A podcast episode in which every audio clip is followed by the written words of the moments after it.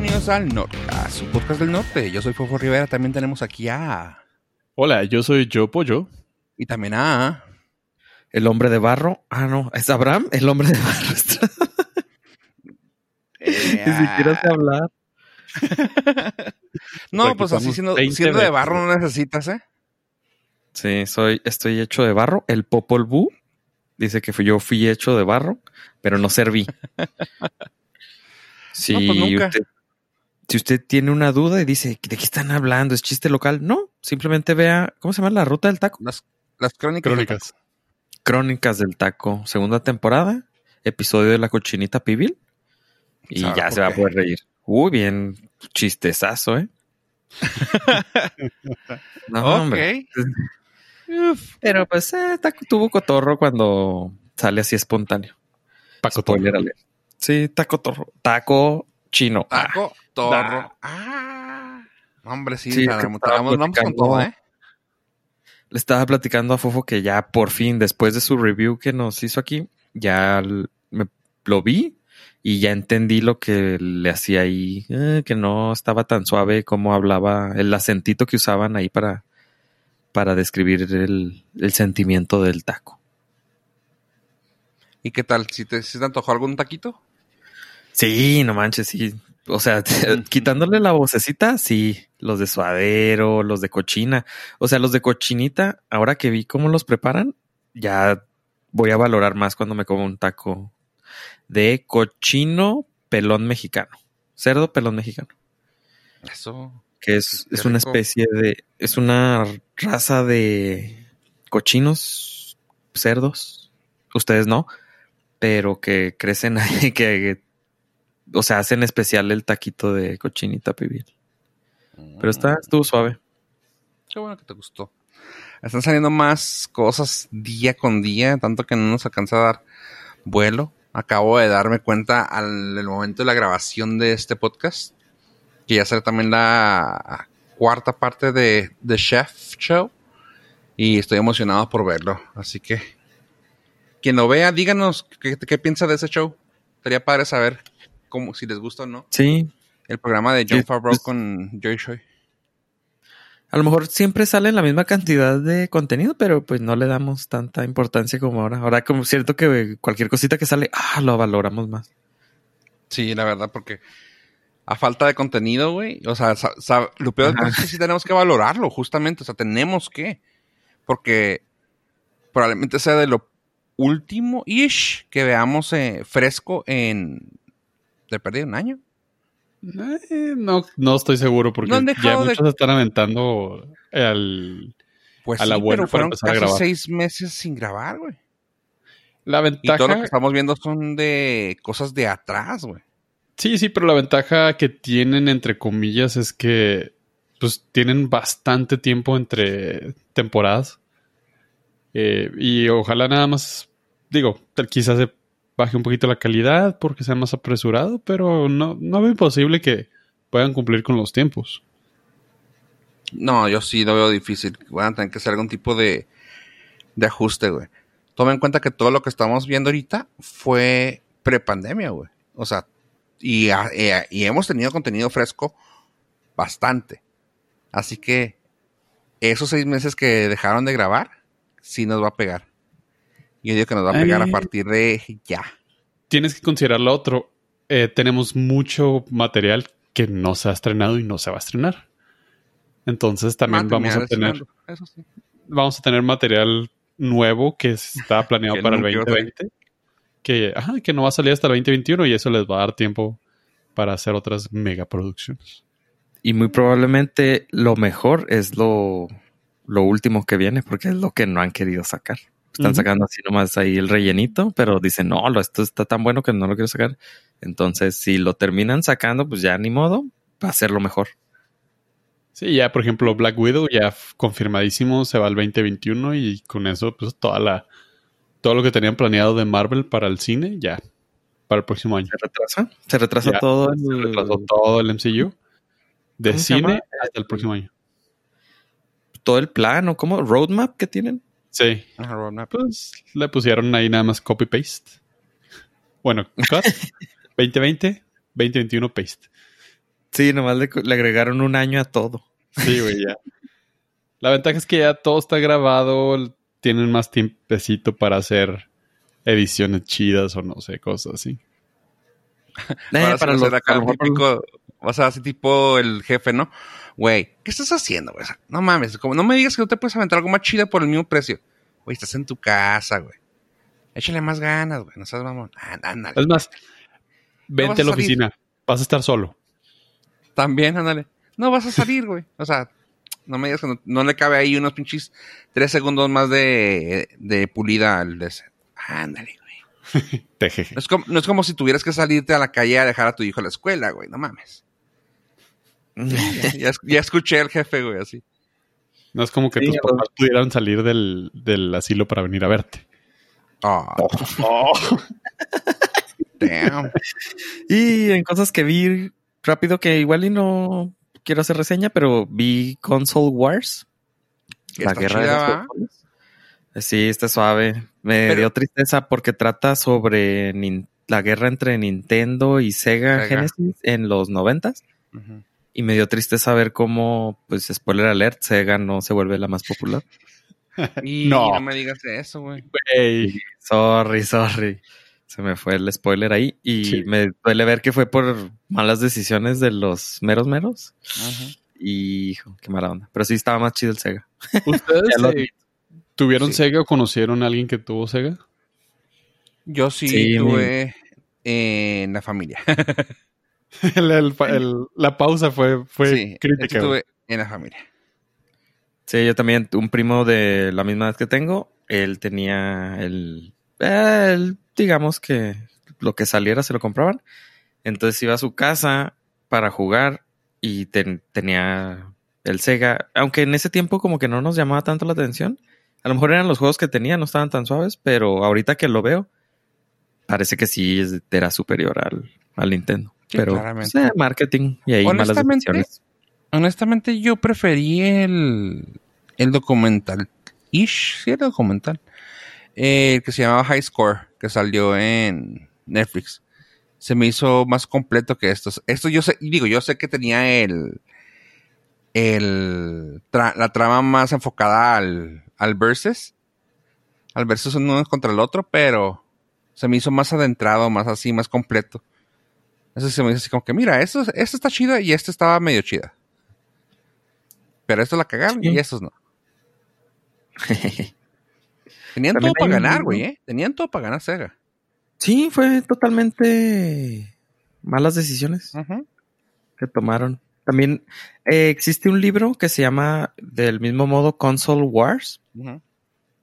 Ese, pero ese libro trata sobre. Ah, pues está basado en ese libro. Es que me acuerdo haber leído. Leí un libro, pero trataba sobre la guerra entre el chip el procesador y del Xbox y el PlayStation.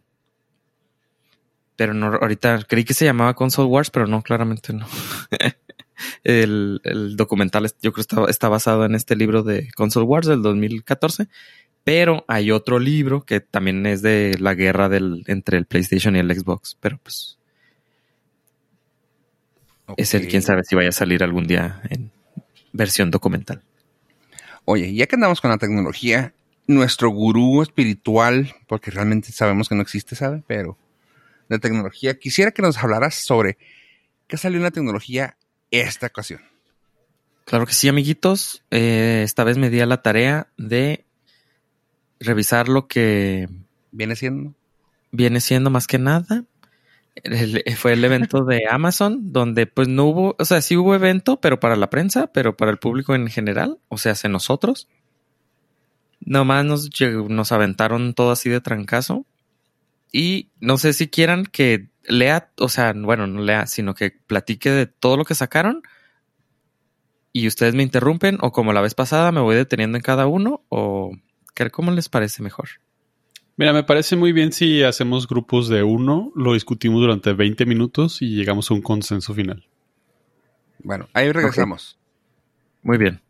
bueno, ya volvimos. Esa edición estuvo bien cabrona, ¿no? ¿bien? Pero continúan, diles a ellos. Como te, te, vaya fluyendo y, te vamos interrumpiendo. Órale, pues voy a empezar con creo que lo más chido, que es el, la sección de Ring, que es la parte como de eh, alarmas de seguridad en la casa de parte de Amazon. Sacaron el, una cámara de seguridad que se llama Ring Always Home Cam. Bueno, anunciaron esta cámara de seguridad tiene la peculiaridad que está integrada en un dron. Entonces funciona, es una cajita que usted tiene. Eh, las hélices del dron están ah, en la parte de arriba. Si detecta que entró alguien a su casa por medio de los sensores que también vende Ring, el dron se levanta y empieza a volar hacia donde surgió la alarma. Trae una cámara que solo funciona por cuando el dron es activado, o sea, está volando dentro de su casa. Porque eh, en la forma en que está construido, la cámara queda dentro de la base y no, no permite ver nada. Eso me parece una idea súper chida, pero tengo miedo. Mira, yo por lo general soy la persona negativa de este podcast cuando traes tus noticias y en esta ocasión sí voy a hacer la excepción porque se me hizo bien chingón. Este, ¿qué te gustó? ¿Que te graben o que te cuide tu casa? Un poquito de todo. Digo, desde el hecho de que ya se ve sumamente supersónico ese pedo. La, automatización, la tecnología. O sea, aparte se ve amigable. Ish. Me, me gustó. Mira confianza. Ajá, sí, o sea, lo ves y dices, ay, mira, me está grabando la cara para subir las redes sociales. Chale. Sí, pues entonces eh, está anunciado para el 2021, obviamente, y va a costar 250 dólares. Está integrado todo con el ecosistema de Ring. Entonces, para que se active, pues a lo mejor tiene usted que comprar algunos otros aditamentos. Pero, pues, ah, está bien padre la idea, me encanta pero todo lo que conlleva que esté conectado a la nube y luego de Amazon y pues no sabe uno cómo van a mapear su casa. O sea, ya le van a tomar foto a todo. Entonces esos datos pues en muy fondo de mi corazoncito sé que van a terminar en algún lugar. Sí, o sea, no es, no es ideal, pero siento que sí es un breakthrough en la tecnología de uso diario. Sí, y luego te van a chido te van a decir, no, solo subimos la metadata. Pues sí, carnal, vas a subir coordenadas, vas a subir distancias y, o sea, vas a subir qué tanta luz hay en un lugar y qué tanta luz hay en el otro. Entonces vas a saber dónde hay eh, ventanas, dónde hay paredes por medio de la metadata. Entonces, pues no es, o sea, me gustaría que existiera algo similar, pero más seguro, que pues supongo que no va a existir nunca. No, porque digo, la gente que le está metiendo feria, pues es la gente que le interesa nuestros datos. Sí, y mapear la casa. ¿Sabes qué? Eh, se me vino a la mente, digo, yo sé que no nada que ver, pero lo leí en algún lado y empecé, dijeron, eh, las parodias en las páginas esas cochinotas van a estar divertidas. ¿De los drones esos? Sí, del, del, uy, se metieron a robar y... Ah. ¿Y esa cosa voladora qué es? y la te pone la, perspectiva de la cosa voladora y va cambiando el ángulo y todo. O sea, qué cosas. Esa gente sin, sin que hacer. Pero bueno, está padre. Le, da pie a la, a la, a la innovación en varios sentidos. en todas las industrias. Es correcto. Mira, yo dije algo cuando salió que pensando como buen mexicano, güey, va a, aplicar. Van a entrar a tu casa, van a ver un, un dron volando, van a decir, ah, qué chingón, güey, me puedo llevar un dron. O sea, ¿tú crees que eso nos interesa aquí a los mexicanos? O sea, eso está padre porque pues allá en El Paso la puedes publicar, bueno, en Estados Unidos, publica la foto, Crime Stopper lo va a poner y va a pasar a buscarte aquí. Ah, no, joven, no se puede hacer nada con ese video. Claramente no se ve la cara. Güey, es HD. No, pero es que puede ser cualquier persona. No, aquí claramente la justicia es a través de Facebook. Lo subes a Facebook y la, demanda ciudadana va a ser la que va a presionar a que. Pues por lo menos el quemón. Pues sí. Pero, o, sea, pues, o sea, ¿de qué te va a servir el mendigo ring? O sea, güey, si ya te, lo van a robar. ¿Te robaron todo? pues por lo menos los quemas. Eh, Mínimo. Y lo así, o sea, sabes que es tu primo, güey, pues lo subes, güey. Oh, nice. I see what you did there. Este. Pues sí, a mí. Yo también estoy un poquito como que. No tanto como por el problema de la metadata. Más que nada por eso. O sea, como que yo lo veo medio, medio useless. O sea, un dron que salga cuando, pues. Y luego. O sea, como si eso fuera a ser preventivo, ¿no? Eso ya, ya que ya entraron a tu casa y ya abrieron. Sí, sí, sí. O sea, no, no, no se me hace algo así como. Tiene usted que decidir si quiere tecnología seguridad preventiva o, o, la que... Es que hay dos tipos de seguridad, la que previene las, el, el, atraco o la que captura al atracante. Entonces, pues, cualquiera de esas. Bueno, este en este caso es preventiva. Pero... Ponme un cosa... Pon una cámara que ya traiga tasers y que lo puedas disparar desde tu teléfono. Ah, oh, el dron, no, el dron que traiga. Ah, por eso te digo. que, pudiera traerlo. Sí, y lo te demandan por... Por daños. algo así, por daños, sí, Entonces te llega el cobro del hospital del vato. Y, la cartita de derechos humanos y todo el pedo. es lo mismo cuando pones reja electrificada, ¿no? Que tienes que poner así anuncios porque si no lo pones... Sí, el ratero, el ratero no tiene la culpa. Exactamente. Obviamente. De tu mente maquiavélica. Así es, tú eres una persona mala lo deshabilitas y lo, lo incapacitas y luego cómo trabaja, güey. Eres el morrito de Home Alone, güey. O sea, tú eres un sádico, güey. Hiciste tienes que hacer.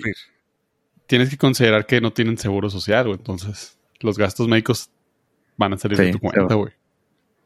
Así que. Por eso el mejor sistema de seguridad se llama botellas de vidrio quebradas. Y perro. Eh, milenario.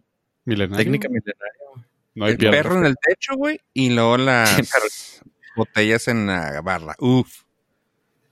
Y si se puede, una camiseta ahí del América para que vean que eres del, gremio. para que vean que es la guarida. Sí, para que vean que es el ah, nido del águila. Es de los nuevos, güey. Es camarada, es camarada. Es del Club Águila, güey. que me actualizo la base de datos. Sí, ah, no. Te, te, te censan mejor. Bueno, con, la, sección de Ring salió Ring Car Alarm y Ring Car Cam. Una alarma y una cámara. La alarma se conecta al puerto OBD, ODB2, OBDBD 2, ese. Y lo que hace es de que si detecta que golpearon tu carro, que lo abrieron, va a sonar una alarma en esta no te puede mandar notificación, creo, porque necesita conexión a internet, pero se suena la alarma. Y la Ring Car Cam, que es una cámara que, bueno, la alarma cuesta 60 dólares, es, pues, es algo, un uso eh, no tan sofisticado. Y la cámara, que es para grabar adentro y afuera de, es una dashcam de las que pone uno ahí en el tablero, graba adentro y afuera y esa tiene un sistema que le dices, lo que más me interesó, claro, que le dices, eh, Alex, ah, me acaban de detener la policía. Entonces empieza a grabar. y todo se empieza a subir a la nube. En caso de que te detenga la policía, pues ya quede ahí evidencia y pueda, pueda hacerse uso después de ella. Y es, obviamente esa, está con, esa cámara va conectada a tu teléfono y empieza a subir todo a internet. Mm. La alarma cuesta 60, la cámara 200 dólares y pues también van a estar hasta el 2021 con invitación, yo creo ahorita. Qué nice. Sí, esa yo creo tiene un mercado muy definido para quien, quien las necesite, pues alguien que ande manejando mucho, ¿no? Y. Bueno, esa parte fue de, de, Ring, de la seguridad, de las alarmas. Luego salieron los Echo. Eh, actualizaron el Echo Dot, que es el Echo más pequeño. No lo actualizaron, sino que como que lanzaron una nueva versión, porque el Echo Dot, que es el como un pack de hockey, como una... Ese todavía se puede comprar por 35 dólares. El de Echo, nuevo Echo Dot es ahora como una esfera Es como alguien decía, pues te está diciendo que es un micrófono grandote. Tiene la forma así de redonda de un micrófono. Y ahora este Echo cuesta 50 dólares, pero la ventaja que trae es que trae un procesador que hace que no se tenga que ir toda la información a internet. Entonces puede hacer tareas básicas. Sí, puede detectar lo que uno le dijo, sintetiza, ahí detecta la voz eh, de manera local y aparte trae ya el protocolo Zigbee, que es para poder controlar otros, otras cosas que se tengan en la casa, como por ejemplo luces inteligentes, alarmas o que usen este protocolo. En este caso, por ejemplo, las luces de Philips o los sensores de monóxido de First Alert que traen, digo, existen muchas cosas, pero fue lo primero que se me ocurrió. Traen este protocolo, entonces ya no se necesita un hub dedicado, sino con este Echo Dot ya, ya lo trae integrado. Eh, lo, que, lo, que, lo, que, lo que se me vino a la mente es que todos los desarrolladores de todos los desarrolladores de terceros que habían diseñado como casitas para evitarle el sonido, para que no te escuchara, ya les mandó al, Sí, el diseño es como que, como que ya es más agresivo, ¿no? Sí. Pero visualmente está bien bonito. Sí, está suave. Está más. Eh, sí. Creo que los pucks. La ventaja que tienen los pucks es que. caben más fácil en todas partes. Sí, caben en más lados. Pero este, pues también le mejoraron las bocinas. Entonces. Sí, este ya se pues ve. Se ve como un algo estético que quieres que forme parte de la, de, la decoración. De la decoración. Sí. Eh, y luego continuando con los Eco, sigue el Eco Show. El Eco Show es muy así para que se lo imaginen si están escuchando. Si no, pues pueden, pueden darle ahí una googleada, una googleada rápida. Eh, el Echo Show parece como una iMac. Eh, esta es una pantalla de 10 pulgadas y la ventaja que trae sobre el anterior era el Echo Show, creo que 10, 8, eh, que era el de... Eh, bueno, no es que el sea, el anterior, sino que este es el la nueva pantalla de 10 pulgadas. Es de que ahora la cámara, el Echo Show es una pantalla y trae, es como una tablet puesta en una base que trae el sistema este de inteligente de Alex-A. Y la ventaja que trae ahora este Echo Show es de que la cámara te sigue. Entonces, si tú estás en una videollamada, la cámara te va a seguir y no va, te va a perder de foco. Y, y, pues la pantalla de 10 pulgadas y que próximamente ya trae soporte para Netflix. Entonces, este es como lo plantean o como me lo imagino es para que esté más bien como tipo cocina cerca ahí de la, de la cocina para poder estar viendo la típica tele que tenían las doñitas en la, en la cocina o el radio. Y pues ahí pueden estar viendo recetas, tienen todas las ventajas de tenerlo un eco. Y también está diseñado así como que para los, las abuelitas que quieren hablar con los, con los niños pequeños, sus nietos. Entonces, eh, ese más o menos es el mercado que le están tirando. Pero pues, se ve chido. Pero no lo compraría. Pero se ve Por 230 dólares, eh, ¿qué ventajas tiene sobre una tablet normal? Digo, es básicamente lo mismo que hace, ¿no? Eh, pues que te sigue. y ya. Pues sí, porque es que la, la Kindle de. No, la Fire tablet de Amazon también traía a, Alex-A. Entonces, pues nada más es la ventaja de que este está fijo, trae una bocinota atrás y trae este nuevo sistema, por ejemplo, este nuevo sistema de, de que te sigue y que siempre está ahí conectado. Pero pues sí, como dices, pues también lo puedes tener todo eso en una tablet y también puedes tener todo eso en una computadora. Entonces, eh, a lo mejor. porque está, no está barato. A lo mejor si fuera, no sé, 100 dólares, algo así, dices, bueno, me sale más barato una tablet y cumple su propósito. Sí, es que también como te digo, está diseñado así como que para los abuelitos que esté allí. Entonces se queda siempre prendido. Tú le dices, fulanita, conéctame con eh, mi abuelita y empieza a timbrar ese automáticamente. Entonces, como está en un lugar fijo, no tienen que hacerle nada. Es como para que no lo toques mucho. Esa es la ventaja, yo creo. Ok, ok. Entonces, tiene un, como una, uh, ¿cómo Un sistema, una interacción mucho más sencilla. Sí, de, de operar. Sí, el software pues, es por, mayormente controlado por voz. Entonces, bueno, sí, tiene. Sí, no, no, eso a lo mejor sería lo que yo, como, como la podría vender. ¿Por vos? ¿Cuál de nosotros? ¿Qué? digo que podría vender el, el Echo Show que su tiene la ventaja de que su fuerte es que te escucha y la tablet, pues sí, ah, pero no está fija. Por, por parte de nosotros. No entendí. ¿Por vos? Ah. Ah disculpa, no soy argentino. disculpa.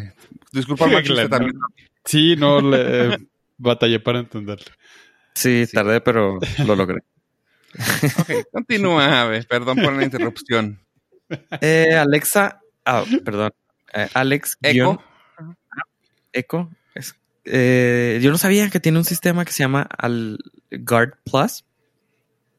Bueno, para empezar, tiene el, sistema Guard y acaban de lanzar el Guard Plus. El sistema Guard es un sistema que, te, que le permite escuchar sonidos de alarma contra incendio, bueno, alarma de incendio, y si escucha, le permite detectar mm, cuando quiebran una ventana. Y, cuando, y, te, y automáticamente prende o apaga las, las luces en la casa si detecta actividad este, extraña. Y el sistema Guard Plus, que es por 5 dólares al año, te permite también, este, al mes, perdón, 50 dólares al año, 5 dólares al mes. Te permite también detectar sonidos de perros, sonidos de sirenas y puede detectar cuando no estás en la casa, obviamente, detectar sonidos de que hay actividad en la casa. Entonces es como un sensor que tienes ahí, pues digo, ya tienes los micrófonos ahí instalados. Es como un sensor para detectar este tipo de cosas extrañas cuando no estás en casa y obviamente te alerta. Y el servicio de paga, que es el Guard Plus, hace en Estados Unidos hace una llamada automáticamente a los sistemas de emergencia.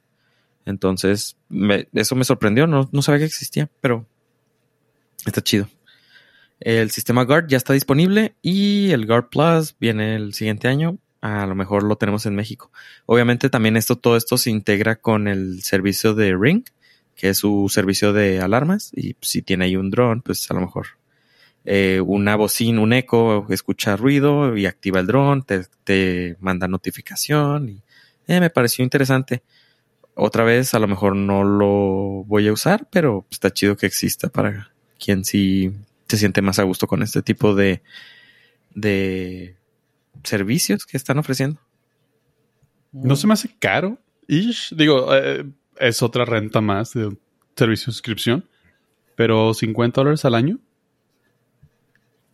Sí, pues, o sea, sí me llamó la atención porque, por ejemplo, yo lo que hago, como tengo aquí, es de que no tengo cámaras dentro de la casa, pero tengo sensores de movimiento. Entonces, cuando estoy fuera de la casa, activo un modo que es obviamente fuera de la casa y los sensores de movimiento, si detectan algo, me mandan la notificación porque no quiero, pues, bueno, a lo mejor no quiero que estén las cámaras o los micrófonos abiertos, que estén siempre escuchando cualquier ruido pero pues todo depende ahí cómo tengan organizado su sistema de seguridad o cómo se sientan más, más a gusto. Oye, la vez pasada, el último Amazon um, Showcase, o no sé, qué, no sé cómo le llaman a sus eventos, uh, ¿sí hablaste del, del, anillo o nomás eso fue como por invitación? Uh, el anillo fue hace hace como dos o tres eventos atrás. El que hablé la vez pasada fue que lanzaron el la pulsera, ¿no? La pulsera esta que no trae pantalla. Ajá, Simón. Pero el anillo sí, fue cuando lanzaron los audífonos y los lentes.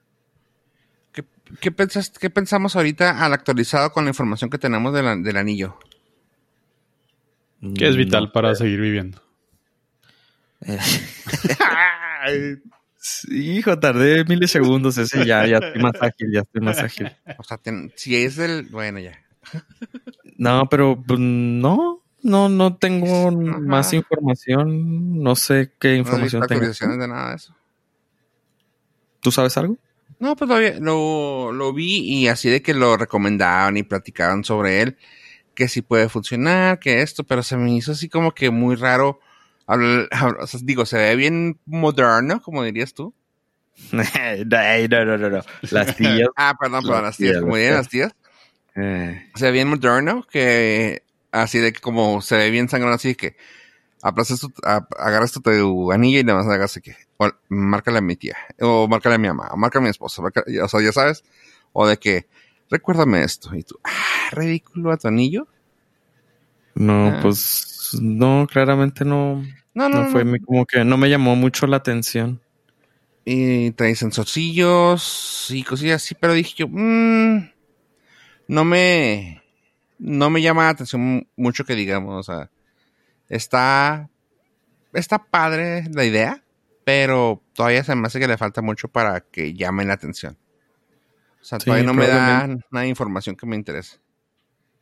Y también salió, pues en ese evento también salió la como el eco, pero para el carro y también. Ah, pues sabes. Sí, también. Ah. Pero, no se me hace un gadget que se me antoje en lo absoluto traer un anillo inteligente. Comillas inteligente. Eh, inteligente. Sí, o, sea, ya traes el reloj, ya traes el celular. ¿Para qué coño necesitas el anillo? Sí, pues. o sea, el anillo requiere teléfono celular, entonces. Sí, eso está conectado ahí. Mm, pues sí, depende de ahí del. ¿Y qué más salió, Javi? Hero Wi-Fi 6. Ah, eh, la actualización de Hero que ahora trae Wi-Fi 6. Los anteriores que les había platicado que ya estaban disponibles en México traen Wi-Fi 5, que es el AC. Ahora traen el AX.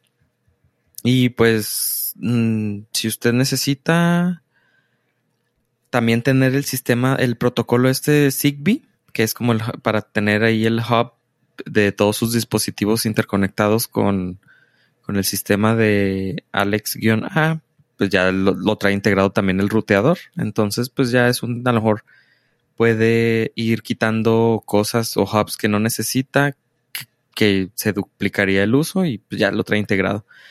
Eh, y pues nada, pues fue la actualización de, de Wi-Fi de este, pues la anterior versión creo que era ah, como 500 megabits por segundo, el Wi-Fi 6 creo que ya acepta como 900 Sí, 900. Entonces, pues si usted requiere 900 megabits por Wi-Fi y tiene dispositivos con Wi-Fi 6, pues ya puede comprar el nuevo. Son interoperables, entonces si tiene los viejitos, puede poner este nuevo también y va a funcionar todo. Todo como si nada estuviera ahí, de manera invisible que usted ni se dé cuenta. Para los tres de bajada que tengo y el punto 5 de subida que tengo, ¿se requiere? Ah, pues tú nunca sabes cuándo te puedan llegar así. Hacer el upgrade de velocidad. Sí. ya ves que algunos eh, proveedores de internet suben el internet, la velocidad, y no te das cuenta. No, hombre, siempre y cuando hagas las pruebas a través de sus servidores. Y sus páginas chuecas. y conectado por cable de internet. Directo desde el poste de la calle. Sí, sí. Solamente así. Pero bueno, eso nada más fue eso. Digo, está chido. Pero pues si usted ya tiene ahí su sistema completo, pues igual y no lo necesita. O no tiene ningún dispositivo Wi-Fi 6, entonces tampoco, no se apure. Pero ya existe. La tecnología ya está ahí. Y sacaron dos Fire Stick, el Fire Stick regular y el Fire Stick Lite, que pues es 50% más rápido. Eh, yo creo que actualizaron el, el chip de Wi-Fi, le pusieron Dolby Atmos al audio. Y pues es nada más, es para, poder ver los servicios de Amazon Prime Video y Roku, Netflix, también ahí dentro de conectado directamente a la a la televisión. La diferencia así más para que los pueda distinguir, el Amazon Fire Stick tiene un control tantito con dos botones menos y el Fire Stick el Fire Stick regular tiene dos botones más, perdón. Así que tiene el botón de encendido y de volumen. Y ah, ya quiero esos botones son prácticamente iguales. No son 4K, pero existe la versión 4K, pero los que actualizaron fueron los, los de HD. el Lite cuesta 30, el regular cuesta 40. Casi como un Chromecast.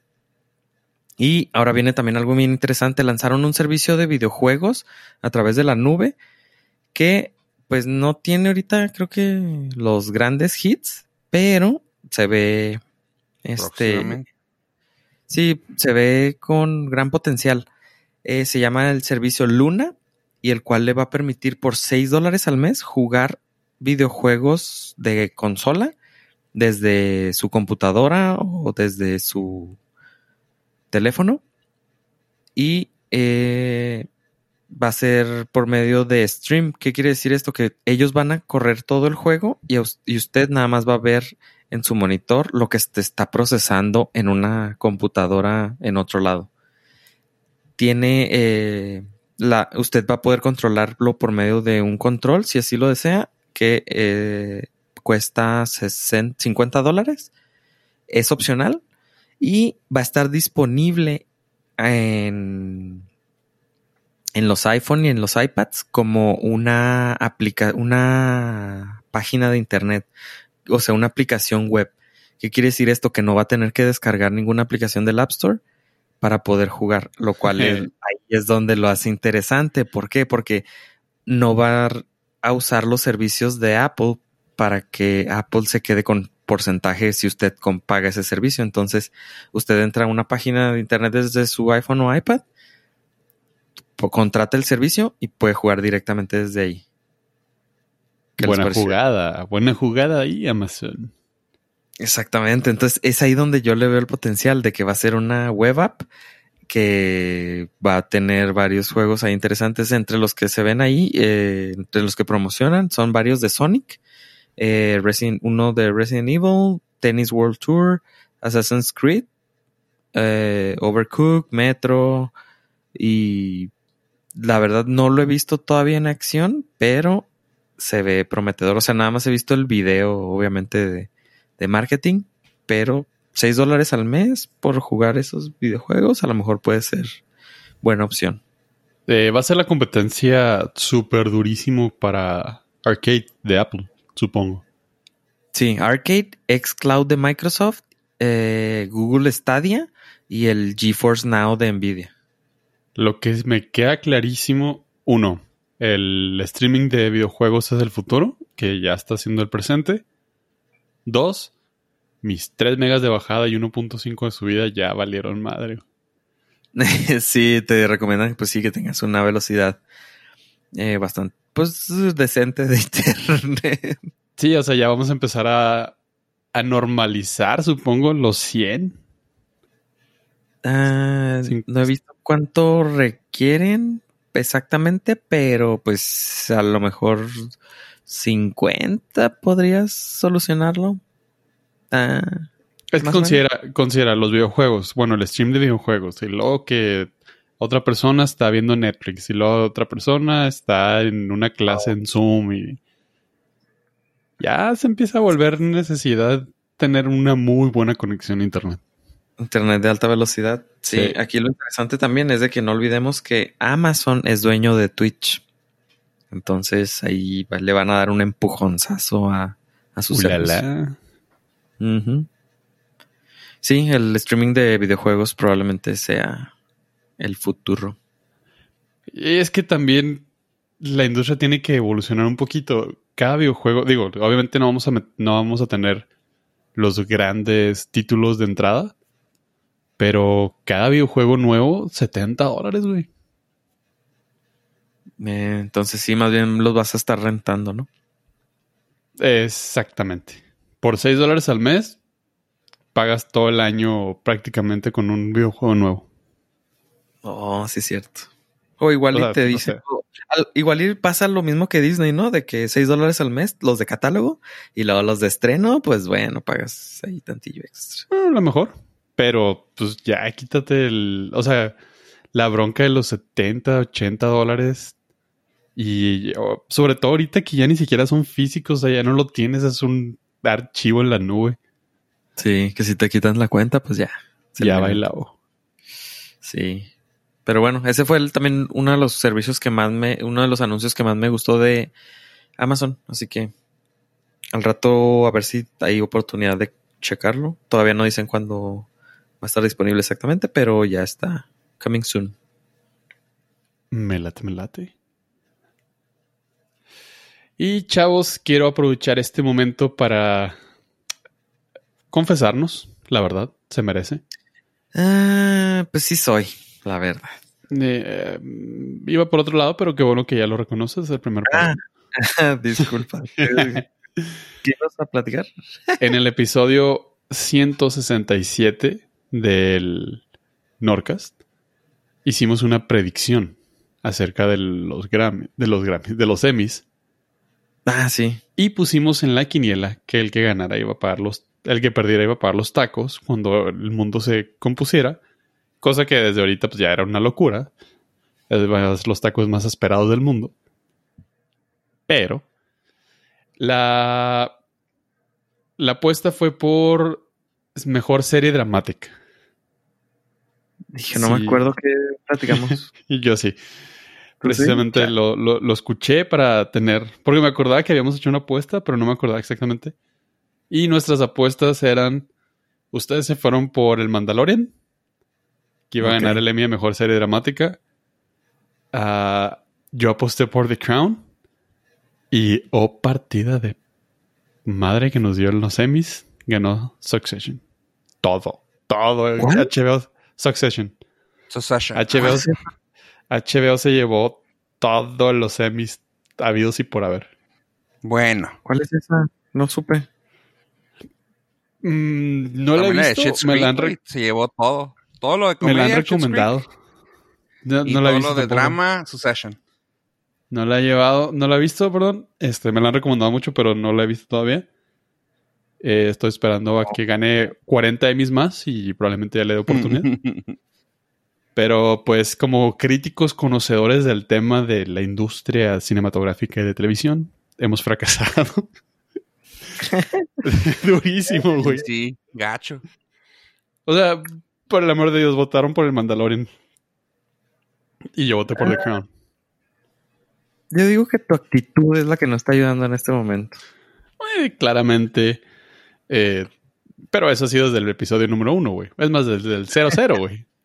Sí, o sea, cambia tu actitud a lo mejor en una de esas funciones.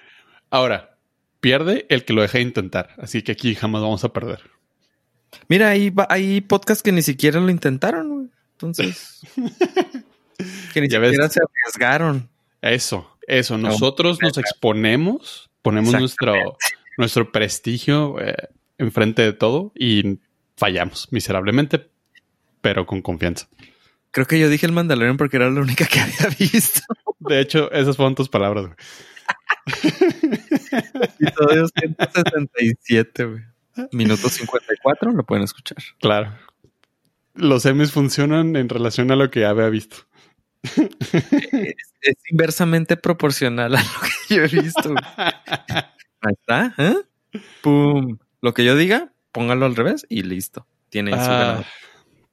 No veo falla en tu lógica, pero pero bueno, nomás quería eh, dejarlo ahí porque habíamos dejado abierto ese corchete para cerrarlo cuando hubieran pasado y pues ya pasaron y lo traje a, colación porque nuestros no se merecen la verdad. Chale.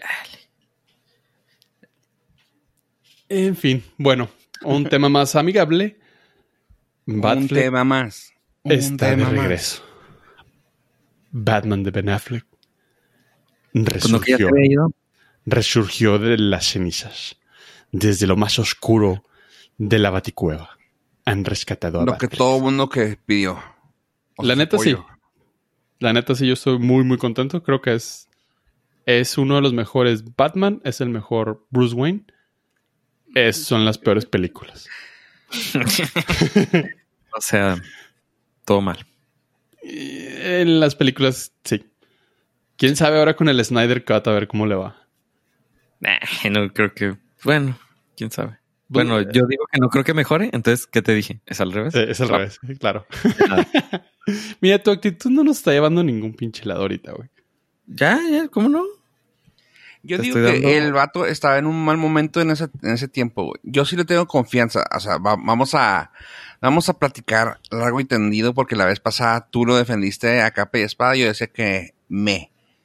Honestamente, yo creo que Affleck fue un Batman, lo que, lo que se vio fue un Batman medio. Ni muy buen Bruce Wayne, ni muy buen Batman, porque tan, pero ahí va, porque no lo dejaron brillar. En las dos películas no se veía ni un buen Batman y mucho menos un buen ah, Bruce Wayne, porque tampoco lo dejó, o sea, porque tampoco hubo chance para que lo dejaran verse bien.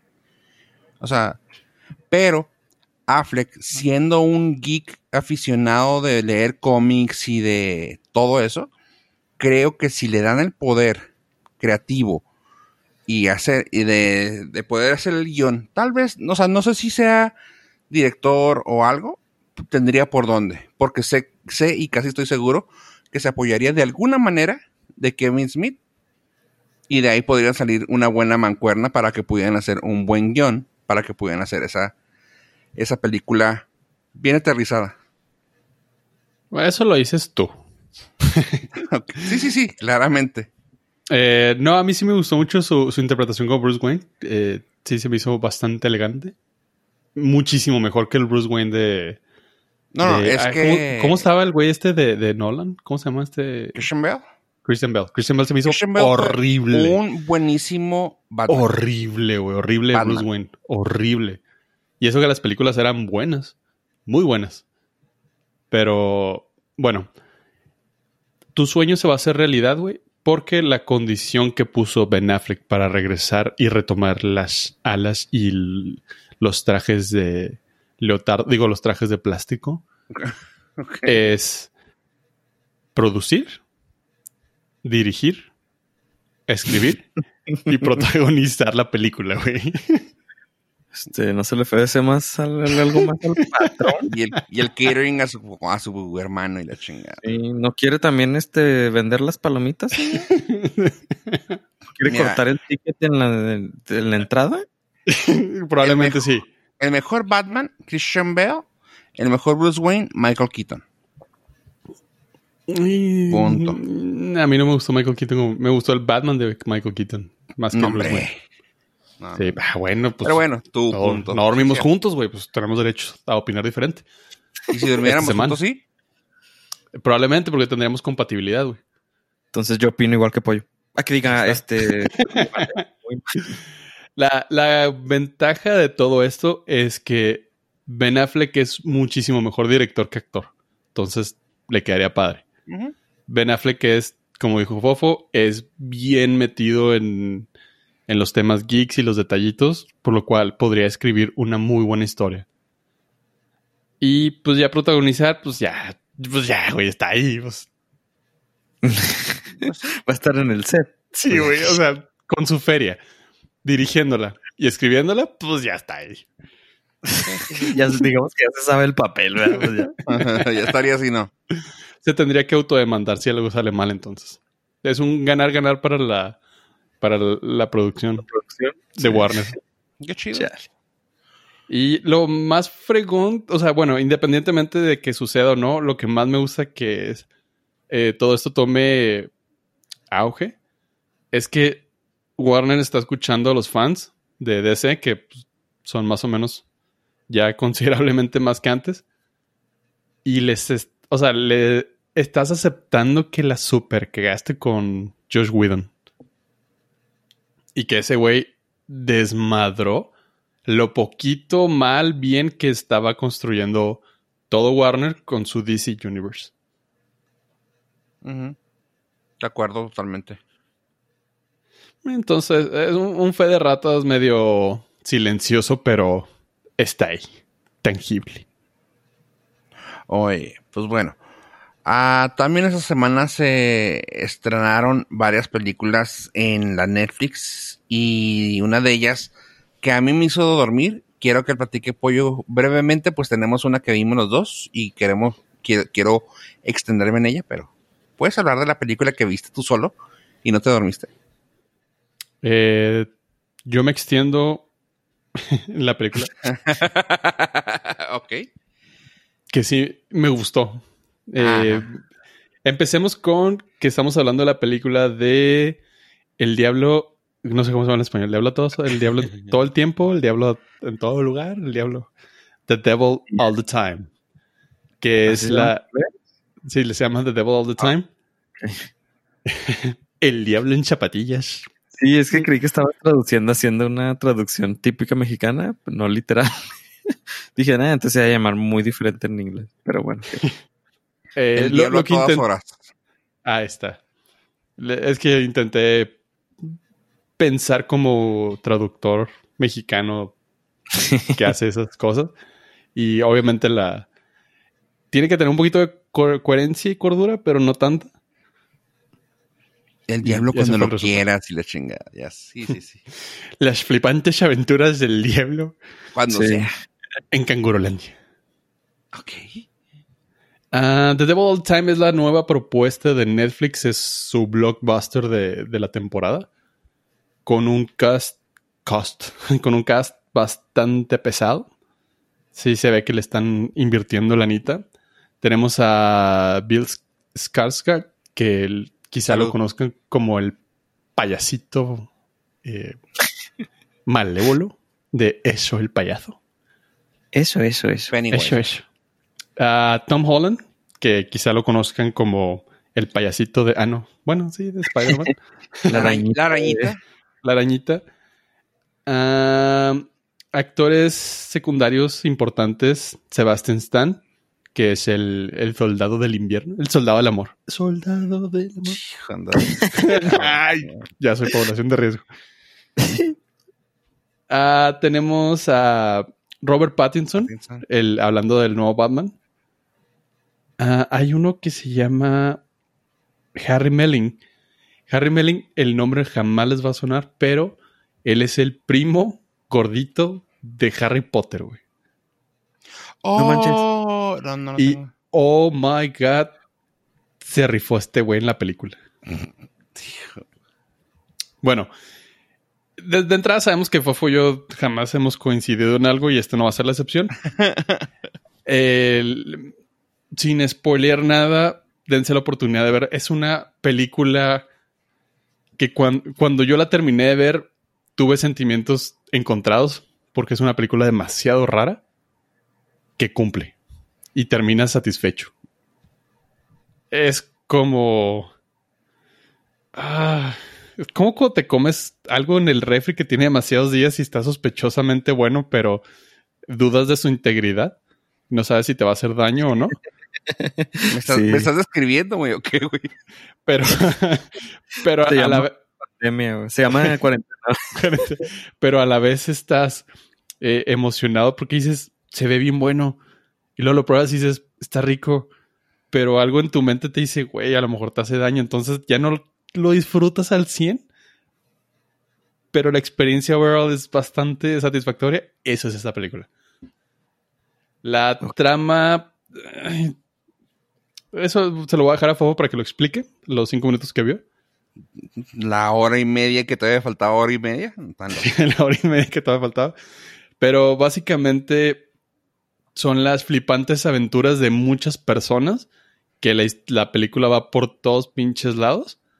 No le encuentras sentido, no le encuentras continuidad, no le encuentras lógica, pero estás ahí y no te puedes mover y dices, chingao, quiero saber qué pasa. Y lo chingao, quiero saber qué pasa. Y cuando termina todo dices, eh, sí me gustó. Ya le entendí. Mm. No requiere, no es un, no es una apuesta tan mamona como la de Nolan de uh, mi película de Tenant es para gente intelectual. Si no le entendiste, eres una basura. Este, no, este te cierra la movie bien chingón. Te explica todo, terminas contento y dices, va.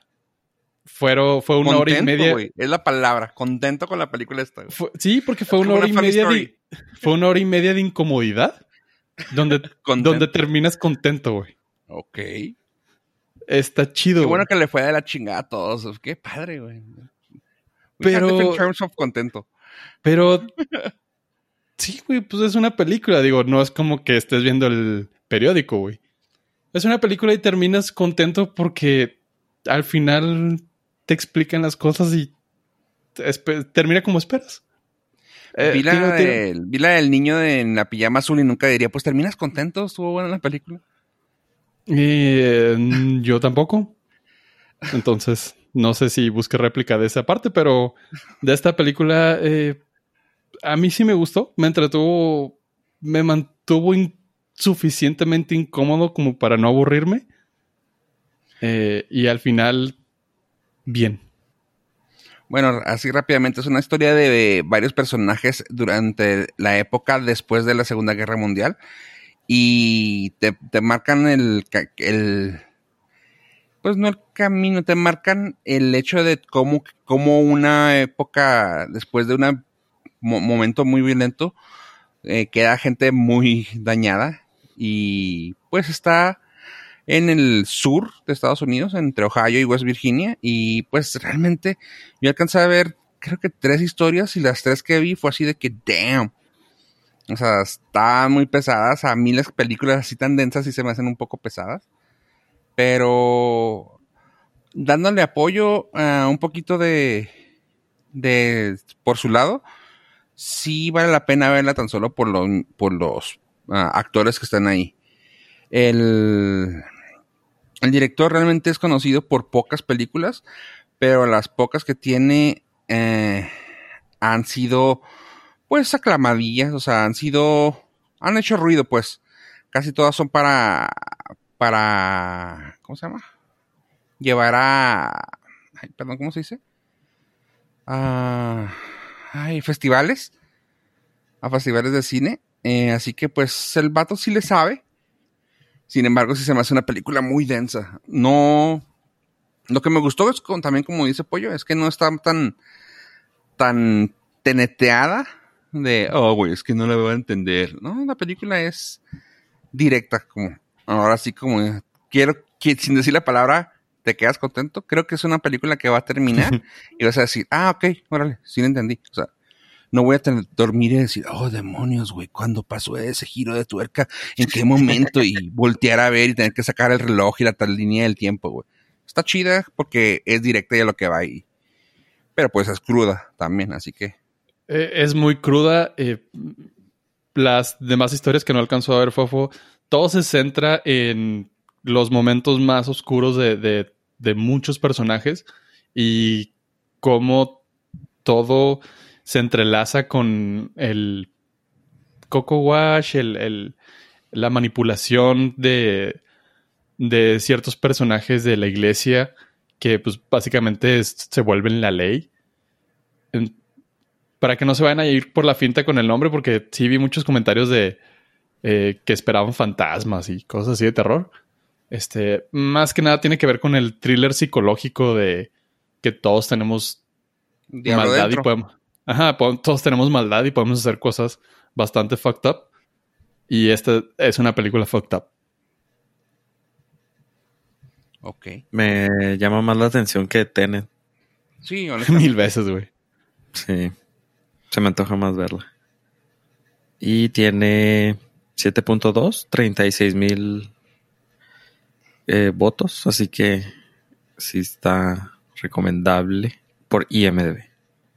Y en el tomatómetro los críticos le dieron 65, lo cual califica todavía para Fresh. Ah, no. Bueno, a prueba no alcanza el Fresh, pero la audiencia le dio un 82. Ah, chido.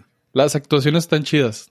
Eh, eso le, podría dar un, ese boost extra para que aguantes las historias fucked up. sí, se me toca. Pues bueno, vámonos a un lado más, más de luz, pollo. que tú eres una persona, un ser de luz, así que quiero que hables un poquito más alivianado porque hasta lo triste lo ves contento. Así que vamos a ver lo de la siguiente película, que es la que ambos vimos. Y quiero ver tu punto de vista sobre la película de Enola Holmes. ¿Te quieres arrancar ahora tú? Arre, pues. Pues bueno, Enola Holmes, yo ya la había presumido hace tiempo en el Nordcast. No sé si recuerdan, Enola Holmes, que la mencioné. Hmm, demonios. Creo que, creo que no la, no la pusimos en, en los temas. Pues fue así muy por encimita, pero lo mencioné hace como año y medio. Que iban a sacar esto y que yo estaba muy emocionado. Pues bueno, la película trata de la hermana menor de Sherlock Holmes, que en esta ocasión fue hecho el papel por nada más y nada menos que la morrita de... ¿Cómo se llama la serie que sale esta morrita? Stranger Things. Stranger Things. La Millie Bobby Brown. Y pues bueno, está, está llena de un cast muy, muy, muy bueno. Millie Bobby Brown, que es la que menos podría brillar, pero se aventó un buen papelillo. Henry Cavill, Sam Claflin y Elena Boham Carter, que pues bueno, con esos cuatro dices tú, bueno, ya, ya pagaron el, ya, ya, ya costó toda la mitad de la película con los con los pagos de esos cuatro canijos. Pero bueno.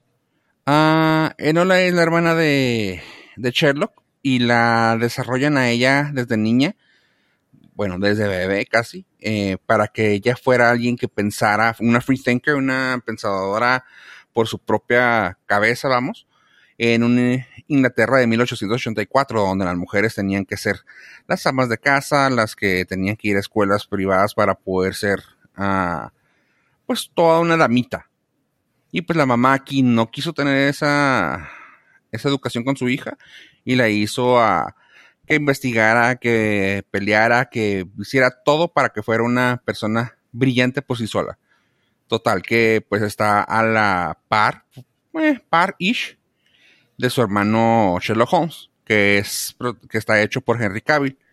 Mycroft en esta ocasión fue hecho por Sam Claflin, que tal vez lo recuerden como el vato mamado de The Hunger Games, y su hermana también guapa. Pues bueno, este es Mycroft y Sherlock, pero bueno, eh, resulta que pues es su primera aventura como investigadora privada, ish también, porque no tiene el título como tal, de aquí sale.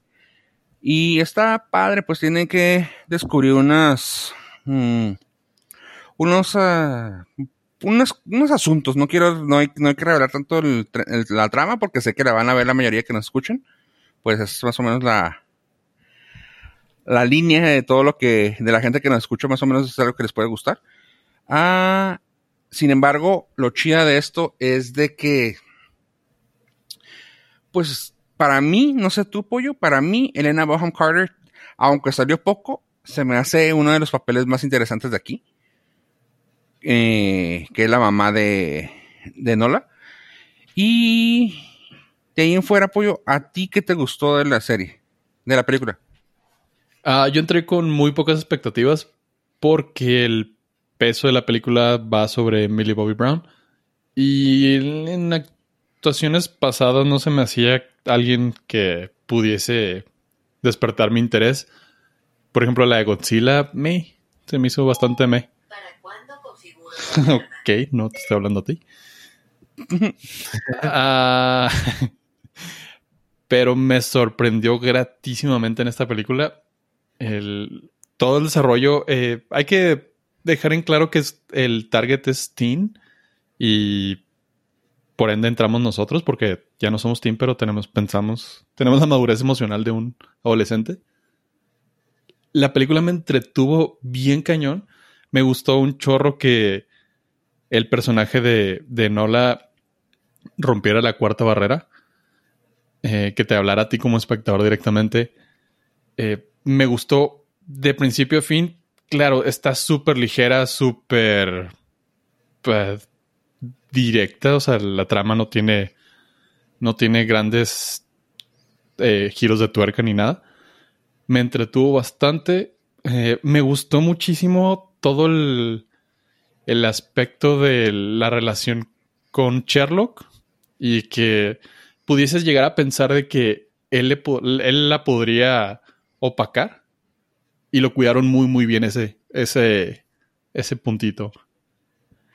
Ah, ¿Qué más me gustó? Me gustó que pues, la película está bastante actual en relación al, a los derechos y las luchas sociales de hoy en día. Nosotros estamos muy actuales, muy atrasados, no sé cuál sea el punto.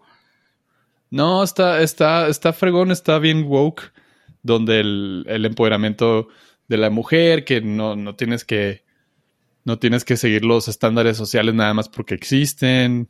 Free thinker, progresista. No, a mí sí me gustó. por eso, eso voy. O sea, qué triste que lo estamos comparando con algo que sí era de esa época, güey, de 1884, güey. Y está muy actual el hecho de que sigan siendo los mismos temas, güey. es lo, sad, sadny. Sí, espérate que veas el, remake de Wonderful Years y vas a ver que sigue estando igual de actual. Oye, eh, pues mira, a mí honestamente lo que a ti te gustó fue lo que a mí no, pero cuando, pero ahorita que lo estás comentando, es una película para teens y con eso me haces verlo de lado como, o sea, del lado positivo como tú lo viste. A mí originalmente te iba a decir, el que rompiera la cuarta barrera es de, ay, güey, neta, güey, ese tipo de películas van a ser. Pero cuando te das cuenta que es una película para jóvenes, dices tú, ah, ah ok, ok, el que está mal soy yo, está chida, está, entre comillas, actual, para que los chavos puedan entender ese tipo de referencias que ya nosotros ya no la, no lo chutamos bastante. Y pues viene de la mano de un gran director, o sea, es el director de varios de los episodios de Fleabag, quien también ganó los Emmys eh, años, el año pasado. Así que, pues bueno, o sea, ha estado mucho en, en series donde las mujeres son las principales, así que como que sí sabe lo que está haciendo el vato. Por lo cual, pues, ve, sí le, sí aplaudo. Eh, aquí, lamentablemente, como tú dijiste, que Millie Bobby Brown no es la persona más calificada, vamos a decirlo así, como actriz.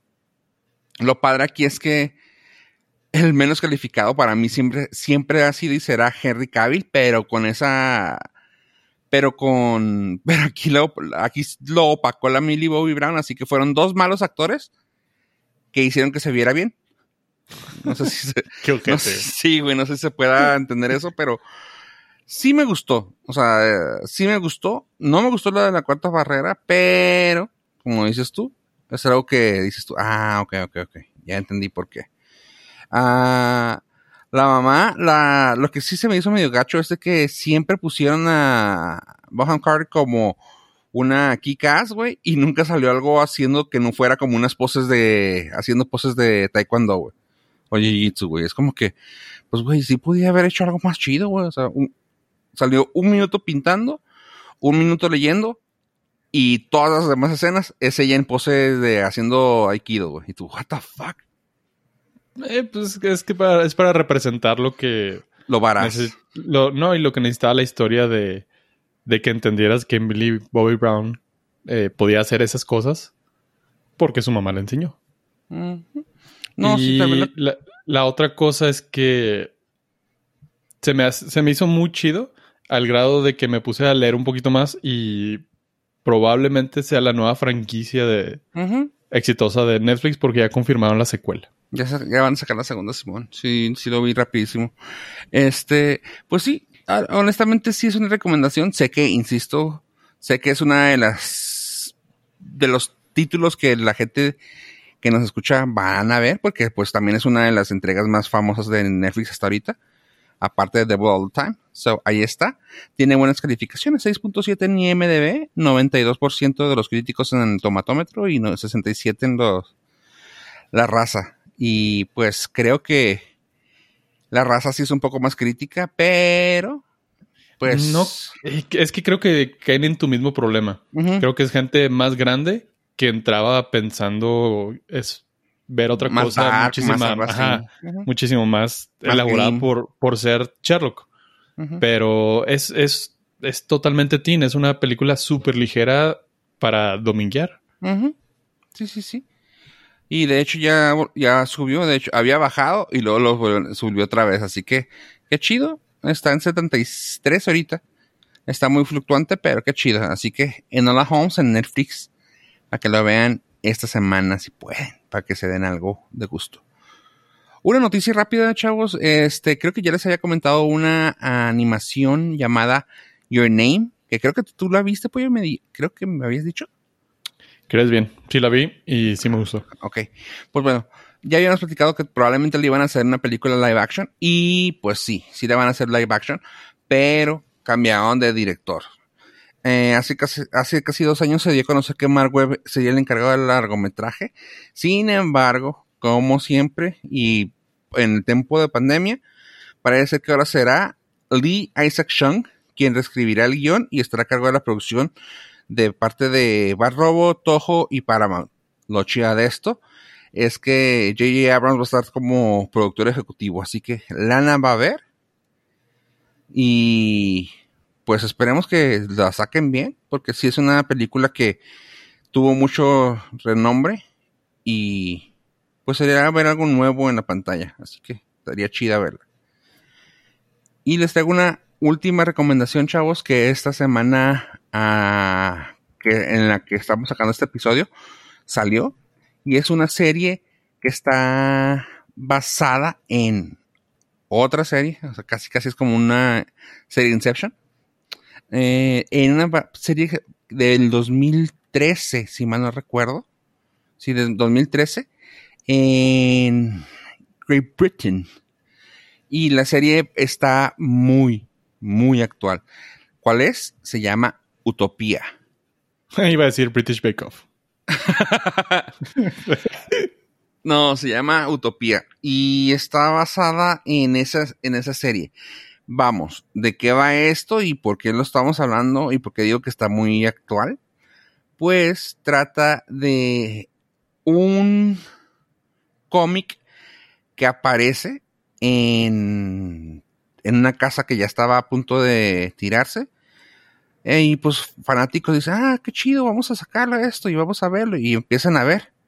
Y toman la que parece ser que es como un, un cómic que salió y toman la referencia de, de la serie original de 2013 y dicen, es que salió en 2013 este cómic.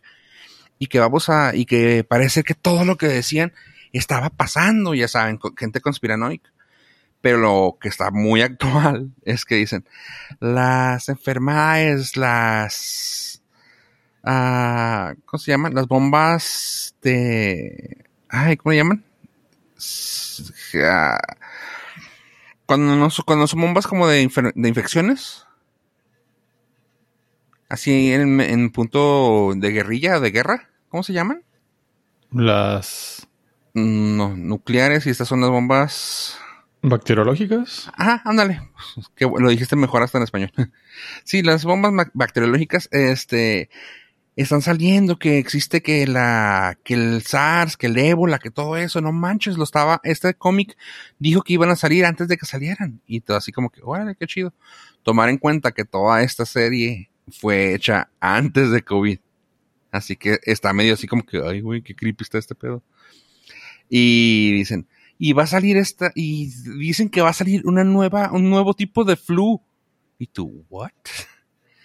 Así que tuvieron que ponerle antes de que empiece, cuando, empieza el, la serie, te ponen, los hechos y eventos aquí mostrados son media coincidencia o mera, es tu, güey, qué pinche miedo. Pero bueno, lo suave de eso es de que ya está la temporada en Prime Video en Amazon. No en México todavía, lamentablemente, pero la van a encontrar en el próximo mes para poderle poner los subtítulos. Es lo único que lo atrasó a que nos llegara aquí a México por los subtítulos, pero como digo, lo pueden encontrar en Prime Video próximamente. La serie se ve muy chida. Yo ya llevo tres episodios y sí me está gustando un chorro. Entre la gente conocida, la única que le puedo decir que van a conocer va a ser a John Cusack como el como el pues más famoso de ahí. De ahí en fuera, creo que nomás al. Creo que el doctor, si no mal no recuerdo, déjame les digo quién era. Ah, demonios. había un, perdón que se me olvidó, pero hay un doctor por ahí que salió creo que en The Office, sí creo que era en The Office, ah, y pues es el que van a poder conocer. De ahí en fuera, eh, los, los demás son casi todos jóvenes, pero sí, sí está muy, muy actual. Ah, sí, es Rain Wilson el que van a conocer. A John Cusack y Ray Wilson. Pero sí, honestamente sí es una serie un poco oscurona, pero está chida. No puedo hablar más de ella porque pues sería revelar muchas cosas.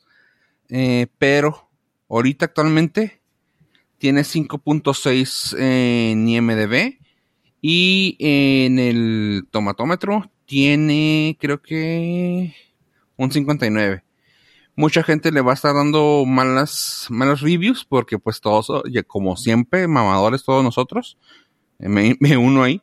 Estaba mejor la original, vato. Te debes de ir, enfocar en que esa fue una de allá de, de Great Britain y tienen que ver que está bien suave. Honestamente la serie está chida, es un thriller, drama, mystery, sci-fi que pues está suave y se trata de salvar el mundo de unas infecciones. Así que se, escucha bien denso, güey. Sí, pero de una manera muy cómica. Pues vamos, pues cómics. Ah, pero está chida. Se las puedo recomendar, va a estar ahí. La vez pasada les recomendé otra que estaba medio sci-fi que era de este señor locochón de Alien. Y no, nada que ver. O sea, no está tan densa como esa, nada que ver. Esta está chida. Del, graciosísimo Ridley Scott. Ándale, de ese señor. del fun fact. Bien chida. No, esta sí está, esta sí está suave, esta sí está guachable, sí está digerible. La pueden encontrar próximamente en su Prime Video como Utopía 2020, porque actualmente pueden encontrar Utopía, la primera y segunda temporada del 2013 y 14, por si quieren ponerse al día. De pendientes. Ave, pollo, ¿algo más que quieren agregar a este, su hermoso podcast? Mm, me gustaría saber si todos seguimos vivos. ¿Es esto una conspiración? ¿Hemos acabado? Yo digo que sí, ¿no? A ver. Muchísimas gracias por escucharnos. Yo soy el chico del barro. O sea, no, o sea, aparte de la cara, eh, pero porque estoy hecho. okay. ¿También pixelado? Sí. Pollo. Bye. Ave. Dios. Adiós, adiós.